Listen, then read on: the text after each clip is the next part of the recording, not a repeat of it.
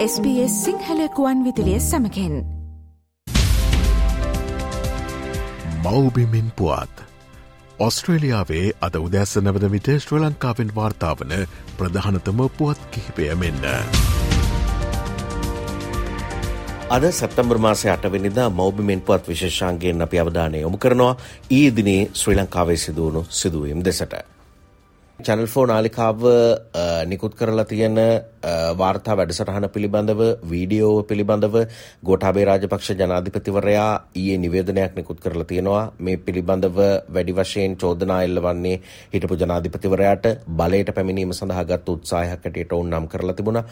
හිටපු ජනාධිපති ගෝටාබේ රාජපක්ෂ මැතිතුමා නිකුත් කරපු නිවේදනයේ තියෙන්නේ චැනල් ෆෝ නාලිකාවේ අලුත් චිත්‍රපටය මේ දෙදස් පහවුරුද්දේ ඉඳලා පැවැත්වුණු රාජපක්ෂ පාලනයට මඩගැසීම අරමුණු කරගත් රාජපක්ෂ විරෝධී ව්‍යාපාරයක් කියල තමයි හිටපු ජනාධිපතිවරයා හඳුන්වන්නේ මේ චැනල් ෆෝ වීඩියෝව. ඒ වගේම මීට කලින් මේ නාලිකාව ලංකාව ගැන විකාශය කරපු වාර්තා වැඩසටහන් මෙන්ම මේකද එකන බොරු ගොන්නක් අඩංගු කාරණයක් බවට ඔහු සඳහන් කරලා තියෙනවා. ජනාධිපතිදුරයට පත් කරන්න ස්ලාමී අන්තවාදීන් පිරිසක් මරාගෙන බැරෙන බොබෝම්බ ප්‍රහාර එල්ල කරේ කියලා කියන එක අතිශීම්න ජුගුප්සා ජනකයි යම් යම් පුද්ගලයන් දේශපාලන ස්ථාවරයක ඉඳලා තමන්ට එරෙහිව චෝදනා එල්ල කරත් තමන් රජයේ තනතුරු දරන හැම අවස්ථාවකම තනතුරු දරපු හැම අවස්ථාවකම මේ කතෝලික ප්‍රජාවට කරන්න පුළුවන් හැම සේවයක්ම පෞද්ගලිකව සිද්ධ කරලා තියෙනවා කියලත් ගෝටාබේ රාජපක්ෂයට ජනාධිපතිවරයා නිකුත් කරපු නිවේදනයේ සඳහන් වෙලා තියෙනවා. පසුගේ සැත්තැම්බර් පස්වෙනිද නිකුත් කෙරුණු චැනල් ෆෝ නාලිකාවේ පාස්කු ප්‍රහාරය සම්බන්ධයෙන් වන වීඩියෝ චිත්‍රපටය පිළිබඳව එබන් නැත්තම් වාර්තා වැඩසටහන පිළිබඳව අධිකරණ අමාත්‍යවරයා ඊයේ අදහස් පළ කළා. එතුම සඳහන් කළේ පාස්කු ප්‍රහාරය ගැන දේශීය වශයෙන් නෙවෙයි ජාත්‍යන්තර පරීක්ෂණයක් පවත්වන්නත් රජය සූදානම් කියලා ඇමතිවරයා සඳහන් කළා. ඒ හින්දා එක්සත් ජාතීන්ගේ මානව හිමිකම් මහකොමසාරිස්වරයාගේ වාර්තාව ඉදිරිපත් කරන්න ආසන්න වෙනකොට ශ්‍රී ලංකාවට විරුද්ධව ඩයස්පෝරාව විවිධ වාර්තා වීඩියෝ ඉදිරිපත් කරනවා කියලා තමයි ඇමතිවරයා සඳහන් කරේ. මේ චැනල් ෆෝන් නාලිකාව ඩයස්පෝරාවට හිතවාදී නාලිකාවක් ඒ හින්දා කොහොමුණත් ඔවුන් විකාශනය කරන යම් සිද්ධියක් රට ඇතුළේ සිද්ධ වෙලා තියෙනවා නම් ඒ පිළිබඳව පූර්ණ පරීක්ෂණයක් සිදු කරනවා කියලා ඇමතිවරයා සඳහන් කරා. ඔහු කිව්වේ එහෙමනම් දේශීය වශයෙන් විතරක් නෙමෙයි ජාත්‍යන්තර වශයෙන් පරීක්ෂණයක් පවත්වන්න උනත් රජය ක්‍රියාමාර්ග ගන්න සූදානම් කියලා. මේ ඒ පිළිබඳව අධිකරණ අමාත්‍ය විජයදාස රාජපක්ෂ ඇමතිවරයා දක්වපු අදහස්. මේ කුමන්ත්‍රණයක් කරා මහමොලකාරයෙක් ඉන්නවා කියන ප්‍රකාශය ප්‍රථම වතාවට ජනතාවට කිව්වේ හිටපු නීතිපති දප්පුල ලිවේර මහත්මයා. දප්පුල ලිවේර මහත්මයා ඒක කිව්වේ ඔහු විශ්‍රාම යන දවසේ. ඒතකොට අවුරුදු දෙකකට වැඩි කාලයක් නීතිපති ධූරය දරපු ඔහුට තමයි මේකේ සුලමුල සොයා ගැනීමේ පූර්ණ බලය සහ වගකීම තිබුණේ. ඒතකොට ඒ බලය තිබුණ නීතිපතිතුමා අවුරුදු දෙකක් තිස්සේ ඔහුට එහෙම දැනුමක් තිබුණා නම් එහෙම සම්බන්ධ කෙනෙක් ඉන්නවා නම් ඔහුට වගකීමක් තිබුණා ඒ පරීක්ෂණ කටයුතු හරි දිශාවට ගෙනියන්න. ඉතින් අපි පොලිසියට උපදෙස් දුන්නා කරුණා කරලා ඒ නීතිපතිතුමාගෙන් ගිහිල්ලා ප්‍රකාශයක් කරලා ඉල්ලගන්න මේ මහමුලකාරයා කවුද කුමන්ත්‍රණය මොකද්ද කොතනද සිදුුනේ කවුද කුමන්ත්‍රණය එක වරදක්ද හැබැයි ඒ නියෝගය අපි දීලා එතුමාගෙන් ප්‍රකාශයක් ඉල්ලපුවම පොලිසිය එතුමා අධිකරණයට ගිහිල්ලා තහනම් නියෝගයක් ගන්නවා ප්‍රකාශය දෙන එක නතර කරන්න කියලා. අපිට අදත් කවුරු හරි channel 4 නැත්තම් ඕන කෙනෙක් කමක් නැහැ. තොරතුරක් දෙනවා නම් දැනට අපි නඩු 42ක් පවර්ලා තියෙනවා. චෝදිතයෝ 79ක් ඉන්නවා. ඊට අමතරව කවුරු හරි ඉන්නවා නම් සම්බන්ධතාවයක් තියෙනවා නම් අපි සූදානම් දේශීය වශයෙන් නෙවෙයි ඕන්නම් ජාත්‍යන්තර වශයෙන් සහයෝගය ලබාගෙන හරි මේ පිළිබඳව තව ඉදිරියට පරීක්ෂණ කරන්න. ඊයේ දිනේදී අධිකරණ අමාත්‍යංශයේ තිබුණු මාධ්‍ය හමුවකට එක්වුණු විශේෂ අමාත්‍ය විජයදාස රාජපක්ෂ ඇමතිතුමා අලුත් දූෂණ විරෝධී පනත සම්බන්ධයෙන් ජනතාව දැනුවත් කරන්න කටයුතු කරන බව සඳහන් කරා. ඒ අනුව අලුත් දූෂණ විරෝධී පනත සැප්තැම්බර් මාසයේ 15 වෙනිදා ඉඳලා මේ මාසේ 15 වෙනිදා ඉඳලා ක්‍රියාත්මක කරනවා කියලා ඇමතිවරයා සඳහන් කරා. ඊට අදාළ ගැසට් පත්‍රයත් ඉදිරියේදී පළ කරන්න නියමිතයි කියලායි වාර්තා වුණේ.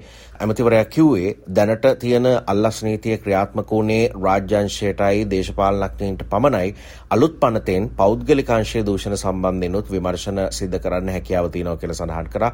ඒ වගේම දැනට තියෙන අල්ලස්ව දූෂණ විමර්ශන කොමිෂන් සභාව මොකක් හරි වැරදි තීරණයක් තීන්දුවක් දුන්නොත් විවිධ හේතුන් මත නඩු ඉල්ලා අස්කරගෙන තියෙනවා නම් ඒ පිළිබඳ සොයා බැලීමේ පූර්ණ බලයත් අලුත් අල්ලස්ව දූෂණ විමර්ශන කොමිෂන් සභාවට තියෙනවා කියලා අධිකරණ ඇමතිවරයා සඳහන් කරා. ඒ අනුව අලුත් දූෂණ විරෝධී පනත මේ මාසේ 15 වෙනිදා ඉඳලා ක්‍රියාත්මක වන්න නියමිතයි. කෙහෙලි රමුක්වැල්ල සෞඛ්‍ය අමාත්‍යවරයාට එරෙහිව විශ්වාසභංග යෝජනාව පිළිබඳ විවාදයේ දෙවන දවස ඊයේ දවස මේ විවාදයේ දින තුනක විවාදයක් අද ඒ පිළිබඳව ඡන්ද විමසීමක් පැවැත්වෙනවා හවස 5:30ට ලංකාවේ වෙලාවෙන්. ඒ අනුව මේ කෙලේ රඹුක්වැල්ල විෂයභාර සෞඛ්‍ය විෂයභාර අමාත්‍යවරයාට එරෙහිව විවිධ කාරණා පිළිබඳව මේ විශ්වාසභංගය පිළිබඳව විවිධ තත්ත්වයන් පිළිබඳව මැති ඇමතිවරුන් පාර්ලිමේන්තුවේදී අදහස් පළ කළා. අමාත්‍යවරයා ඉවත් කිරීමට වඩා මේ පවතින සිස්ටම් එක වෙනස් කරනකම් අමාත්‍යවරයා කවුරු වුණත් ඒ සම්බන්ධයෙන් ගැටලු වලට මුහුණ දෙන්න සිද්ධ වෙන්න පුළුවන් කියලා හිටපු සෞඛ්‍ය අමාත්‍යවරයෙක් ඒ වගේම ඖෂධ නිෂ්පාදනය සහ නියාමනය පිළිබඳව රාජ්‍ය අමාත්‍යවරයෙක් විදිහට කටයුතු කරපු දැන් දැනට පාර්ලිමේන්තුවේ විපක්ෂ මන්ත්‍රීවරයෙක් විදිහට කටයුතු කරන චන්න ජයසුමන මහාචාර්යවරයා පාර්ලිමේන්තු මන්ත්‍රීවරයා මේ විවාදයට එක්වෙමින් ඊයේ දවසේ අදහස් පළ කළා. සෞඛ්‍ය අමාත්‍යංශය සතුව නිසි දත්ත කොයි වෙලාවකවත් නැහැ. දැන් ගිහිල්ලා ඇහුවොත් එහෙම පැරසිටමෝල් පෙති කීයක් ලංකාවේ ඉතිරි වෙලා තියෙනවද සෞඛ්‍ය පද්ධතිය කියලා කිසිසේත්ම මේ නිලධාරීන්ට උත්තර දෙන්න පුළුවන් කමක් නැහැ. 2008 ඉඳන් තොරතුරු පද්ධතියක් හඳුන්වලා දීලා තිබුණා බිලියන ගාණක් වියදම් කරලා. හැබැයි රෝහල් තියෙනවා 1150ක් මේකට සම්බන්ධ වෙලා තිබුණේ 400ක් විතර. ලංකාවේ සුපිරි වෙළඳසැල් ජාලයක් තියෙනවා. විවිධ භාණ්ඩ තියෙනවා 1000කට වැඩිය. එකක් අඩු වුණත් ඔවුන්ට කොළඹ ඉඳන් නිරීක්ෂණය කරන්න පුළුවන්. ඇයි ඒ වගේ පද්ධතියක් මේ සෞඛ්‍ය ශේෂ්ත්‍රයට හදන්න බැරි කියලා. ඉතින් ඒ පටන් ගත්තා. කවුද මේකට වැඩියම විරුද්ධ වුණේ? වෛද්‍ය සැපයුම් මේකගේ නිලධාරීන් කීප දෙනෙක්. මොන සෞඛ්‍ය අමාත්‍යවරයා හිටියත් මම හිතන්නේ ලංකාවේ සියලුම රෝහල් එකිනෙක සම්බන්ධ කරලා මේ තොරතුරු පද්ධතිය ලංකාව පුරා විහිදුව ගන්නකම් කවදාවත් අපිට හරියට තොරතුරු එන්නේ නැහැ. තොරතුරු නැතුව හදිසි මිලදී ගැනීම නවත්තන්නත් බෑ. ඒත් අතරම සෞඛ්‍ය අමාත්‍යවරයාට එරෙහි විවාදයේ දෙවන දිනේදී විජිත හේරත් ජාතික ජනබලවේගය නියෝජනය කරන පාර්ලිමේන්තු මන්ත්‍රීවරයාත් විවාදයට එක්වෙමින් පාර්ලිමේන්තුවේදී මේ තත්ත්වයන් පිළිබඳව අදහස් පළ කළා. දැන් මේ සෞඛ්‍ය අමතිකමින් මේ විශ්වාස භංග ජයග්‍රහණය කරලා ඔබතුමාව ওই සෞඛ්‍ය අමතිකම අයින් කරා කියන්නකො. අයින් කරා විපක්ෂයේ කෙනෙක් ඉන්නවා කියලා හලහලා උතන්ට එන්න. මීට මාස 3-4කට හලපු කෙලහැලිල්ල අපි දැක්කනේ. ඒ වෙලාවේ සෞඛ්‍ය අමතිකම දුන්නා නම් අද විපක්ෂේ නැහැ. අද ඔය පුටුයි. මේකේ යටි අරමුණුත් තියෙන. අපිට ඒවා පැහැදිලි. හැබැයි ඒකට වඩා මේක ඔබතුමා දකින්න ඕනි. ඔබතුමාට පුද්ගලිකව එන විශ්වාස භංගයකට වඩා ඔබතුමා නියෝජනය කරන ආණ්ඩුවේ සෞඛ්‍ය සෞඛ්‍ය ප්‍රතිපත්තිය මේ රටේ සෞඛ්‍ය පද්ධතිය කඩා වැට්ටීමට එරෙහිව නැගින විශ්වාස භංගය. දෑසිරි ජයසේකර පාර්ලිමේන්තු මන්ත්‍රීවරයා පක්ෂයේ මහලේකම් දුරෙන් අයින් කරලා පක්ෂ සමාජිකත්වයේ తాවකාලිකව අත්හිටුවනා කියලා පක්ෂයේ සභාපති මෛත්‍රීපාල සිරිසේන මැතිතුමා සඳහන් කළා. ඊයේ දවසේ ඔහු මාධ්‍ය හමුවකට සහභාගී වුණා. මේ සඳහා නිදහස් ජනතා සභාව නියෝජනය කරන නායකයනුත් එක්කාසු වෙලා තිබුණා. ඔවුන් කිව්වේ දෑසිරි ජයසේකර මන්ත්‍රීවරයාව ශ්‍රී ලංකා නිදහස් පක්ෂයේ මහලේකම් දුරෙන් ඉවත් කිරීම විශාල පාවාදීමක් කියලා. දෑසිරි ජයසේකර මන්ත්‍රීවරයාත් මාධ්‍යට අදහසක් වමින් සඳහන් කරා තමන් සමගි ජනබලවේගේ හරි එක්සත් ජාතික පක්ෂයේ හරි සාමාජිකයෙක් වෙලා කටයුතු කරන්නේ නැහැ කියලා මේ දෑසිරි ජයසේකර මන්ත්‍රීවරයාව ශ්‍රී ලංකා නිදහස් පක්ෂයේ මහලේකම් දුරෙන් ඉවත් කිරීම පිළිබඳව විරෝධය පර කරලා මෛත්‍රීපාල සිරිසේන ශ්‍රී ලංකා නිදහස් පක්ෂ සභාපතිවරයාට ලබා දෙන්න නිදහස් ජනතා සන්ධානයේ මන්ත්‍රීවරු ලිපියකටත් ඊයේ දිනේ අත්සන් කරලා තිබුණා. වර්තමානය වන විට ශ්‍රී ලංකාවේ ජනප්‍රියම නළුවා සම්මානය මේ වසරෙත් දිනාගත්තු පාර්ලිමේන්තුව නියෝජනය කරන උද්දික ප්‍රේමරත්න අනුරාධපුර දිස්ත්‍රික් පාර්ලිමේන්තු මන්ත්‍රීවරයා ඊයේ ඉඳලා පාර්ලිමේන්තුවේ ස්වාධීනව කටයුතු කරන්න තීරණය කරලා තියෙන බව වාර්තා වෙනවා.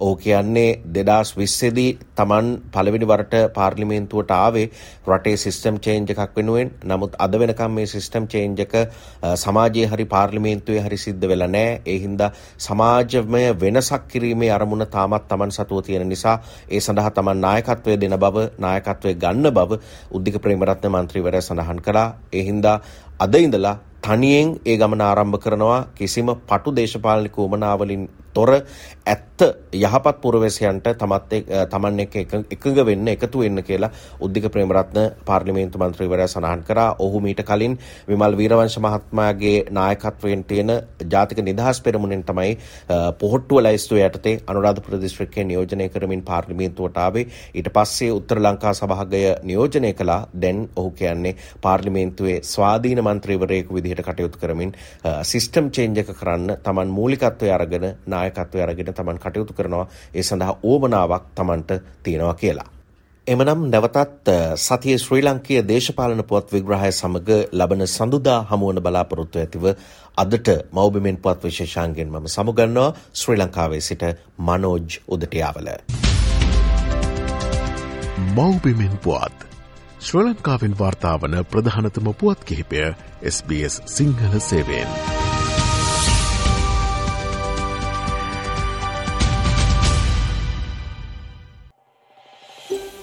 මේ වගේ තවත්තොරතුරු දැනගන්න කැමතිද. එහමනම් Apple podcast Google podcast Spotify ඔබගේ පොඩ්කාස්ට ලබාගන්න ඕනෑම මාතයකින් අපට සවන්දය හැකේ.